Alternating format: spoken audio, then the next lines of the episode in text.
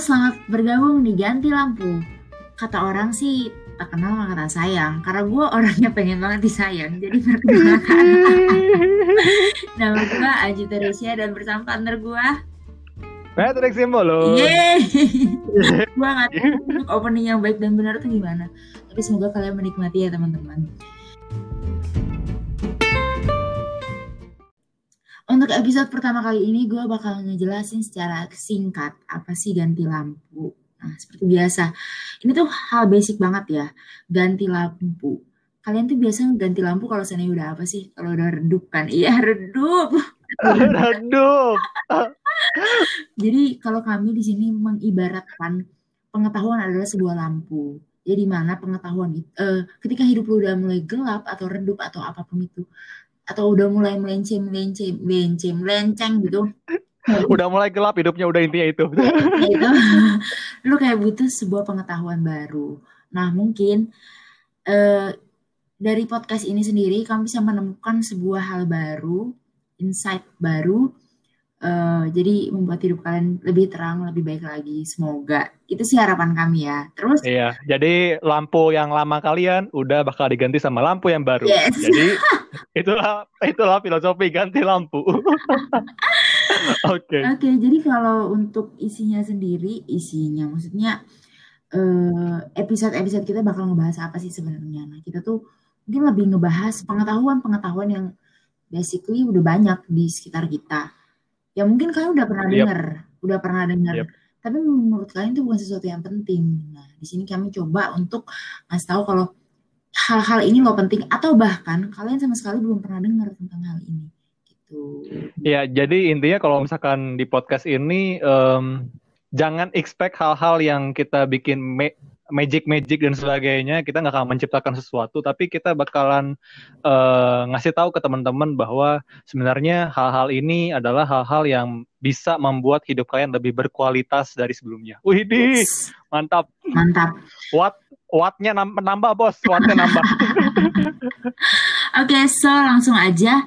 Buat hari ini spesial hari ini kita bakal ngebahas tentang personal financial planning. Nah, eh tapi bentar dulu Ju. Apa? Sebelum itu teman-teman cuci tangan dulu ya sebelum lanjut ke ke podcast kita kali ini dan tetap stay di rumah ya, aja. stay at home karena emang kondisinya sekarang tuh lagi nggak baik ya untuk keluar. Jadi lebih baik di rumah aja dengerin podcast kita. Oke. Okay? Oke, lanjut. Oke, jadi untuk hari ini spesial episode pertama ini kita bakal ngebahas tentang personal financial planning. Nah, Coba Patrick jelasin deh secara singkat, sederhana personal financial planning itu apa?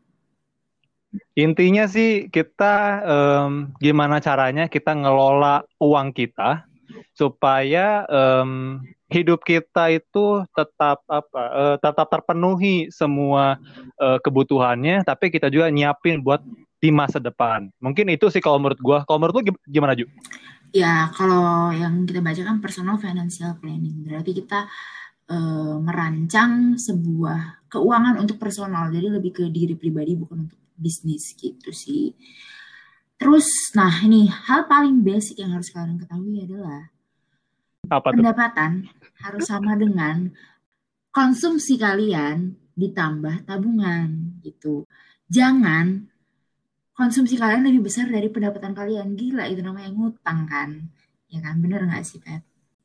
Betul. Kalau menurut aku sih, kalau misalkan namanya kredit itu adalah suatu hayalan kalau menurutku Ju. Karena um, sebenarnya kita nggak punya, tapi sebenarnya apa? Tapi tiba-tiba ada gitu. Okay. Karena ya kredit itu gitu.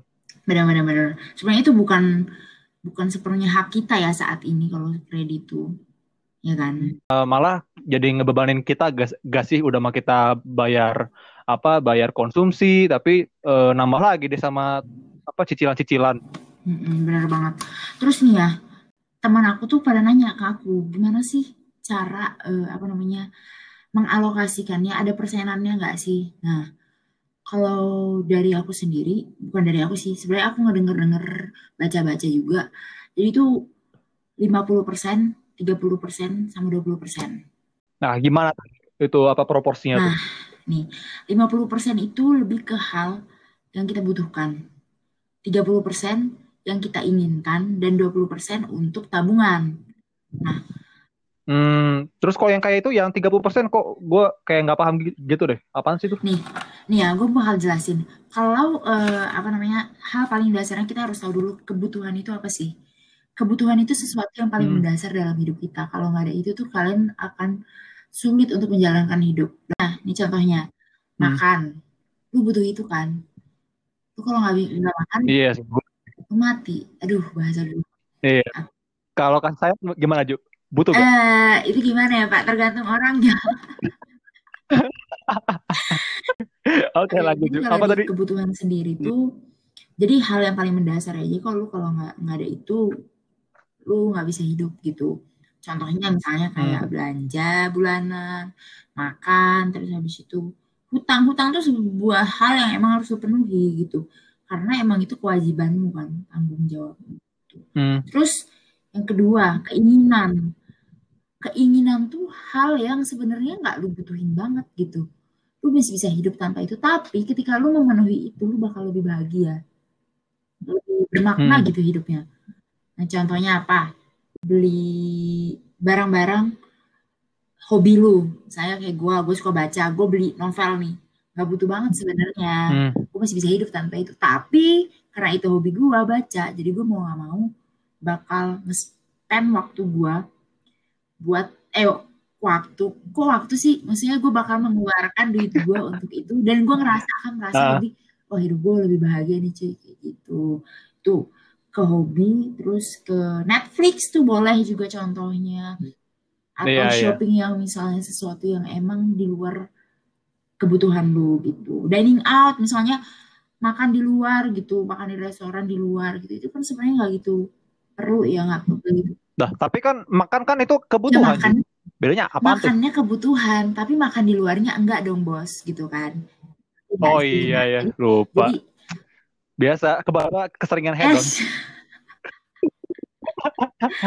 nah, palingnya itu. Okay. Nah, kalau gue sendiri, gue mengalokasikan, jadi kan tadi 50, 30, sama 20 persen dari semua total pendapatan gue.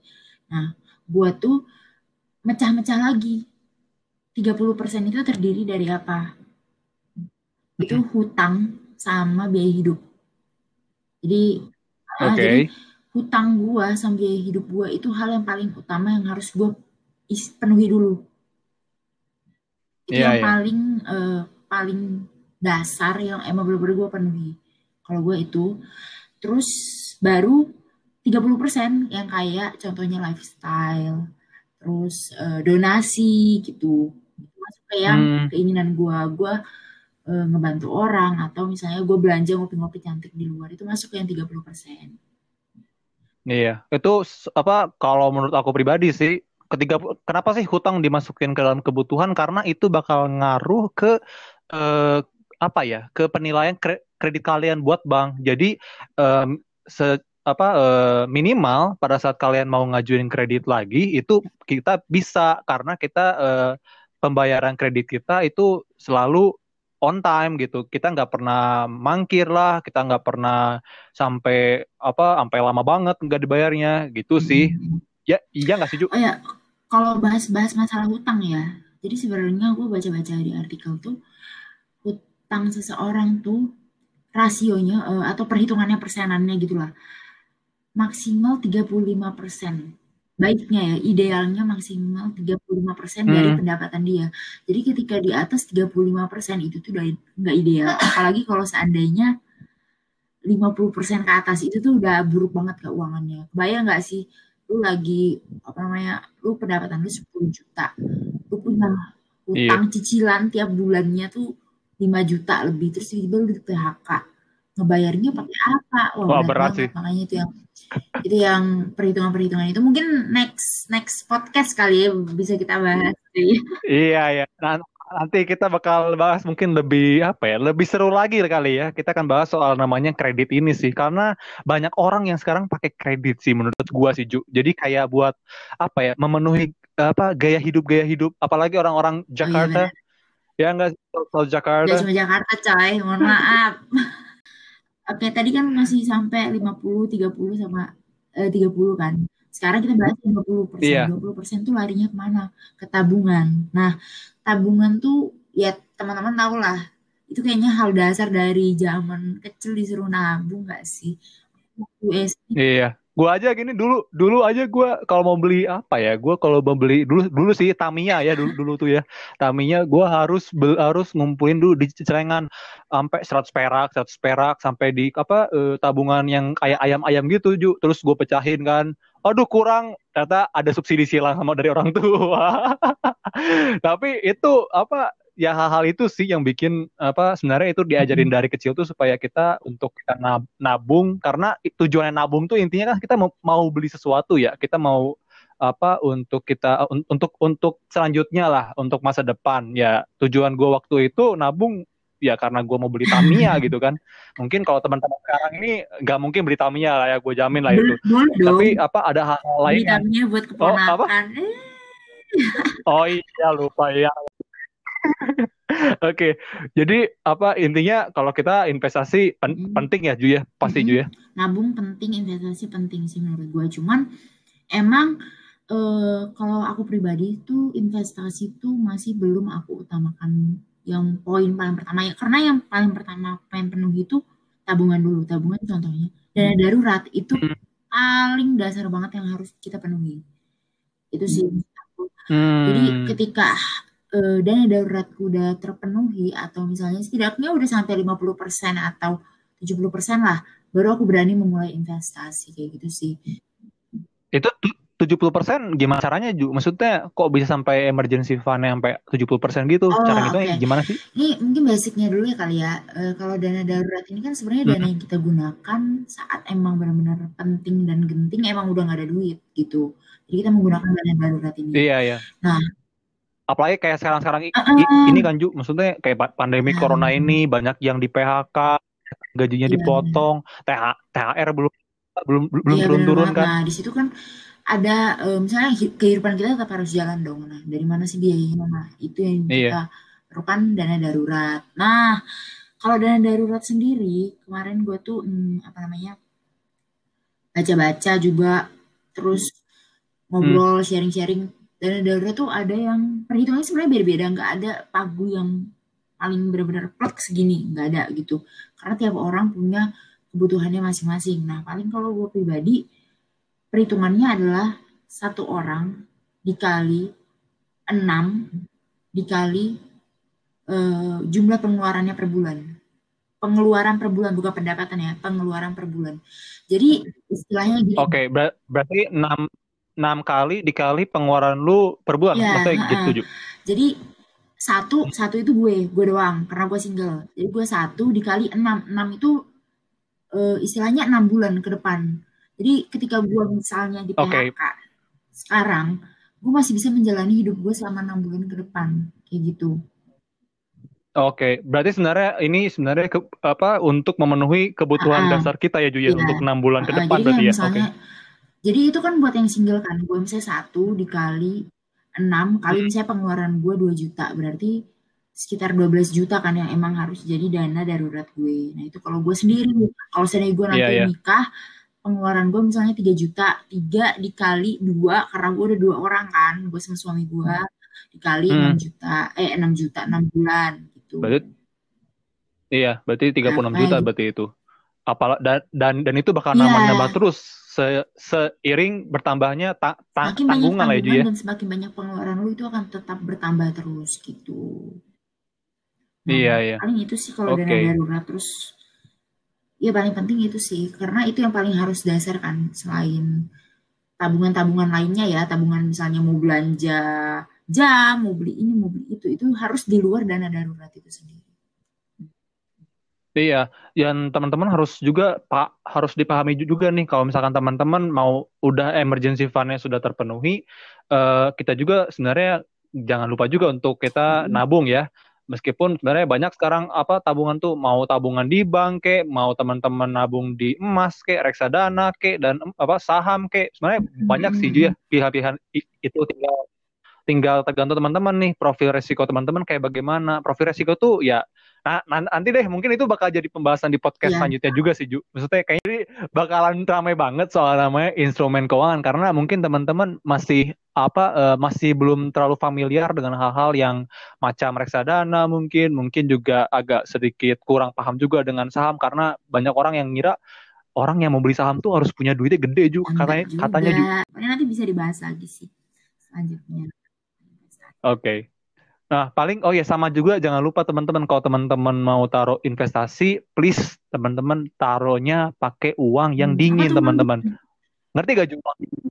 Oke, okay. uang dingin tuh uang yang benar-benar teman-teman enggak teman-teman pakai, enggak teman-teman pakai untuk kebutuhan hidup teman-teman. Jadi investasi itu kalau bisa sih teman-teman harus uh, apa um, jangan sampai mengorbankan kebutuhan hidup teman-teman. Kayak misalkan ngorbanin makan, ngorbanin bayar asuransi, ngorbanin uh, cicilan, maksudnya teman-teman ber teman-teman berhutang untuk investasi. Karena kita tahu sendiri kalau investasi itu memiliki resiko, resikonya bisa bisa kayak rugi, bisa sampai gagal bayar. Kalau misalkan teman-teman pakai peer to peer lending dan sebagainya sih. Jadi please teman-teman apa uh, pakai uang dingin teman-teman untuk investasi. Karena kalaupun uangnya hilang pun, maksudnya uangnya rugi apa kita rugi pun eh, teman-teman nggak akan berpengaruh sama kehidupan teman-teman gitu sih Ju.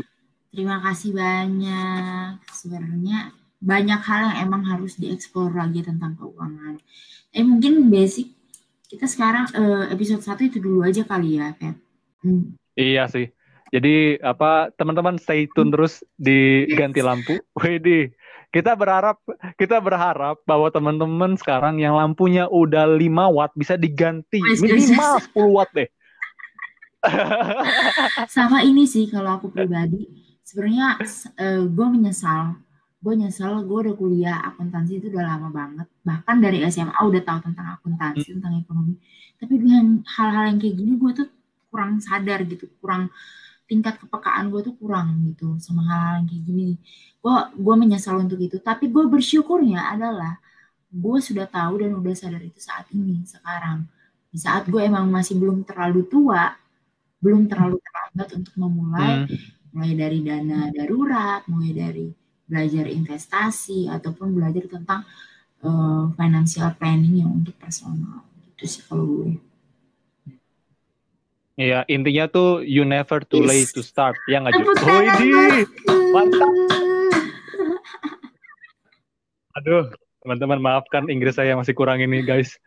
Ada yang paling itu aja dari kita. Kalau seandainya kalian punya saran-saran atau emang ada pertanyaan-pertanyaan, ya sebenarnya kita nggak pakar-pakar banget. Emang nggak pakar gitu. Cuman kita coba belajar lebih lagi. Kita belajar bareng-bareng boleh kasih idenya ke personal Instagram kita. Kalau aku IG aku S. Anji Deresia. Kalau Patrick apa Pet? Oke, kalau kalau gua di at Patrick Simbolon hmm, 29. Atau boleh lewat email kita gantilampu.id at gmail.com. Iya, kita bakalan coba untuk uh, lihat respon teman-teman. Mungkin juga ada ide-ide yang bakal masuk dan mungkin kita bakal pertimbangin buat kita taruh di podcast kita okay, selanjutnya. Oke, so see you guys.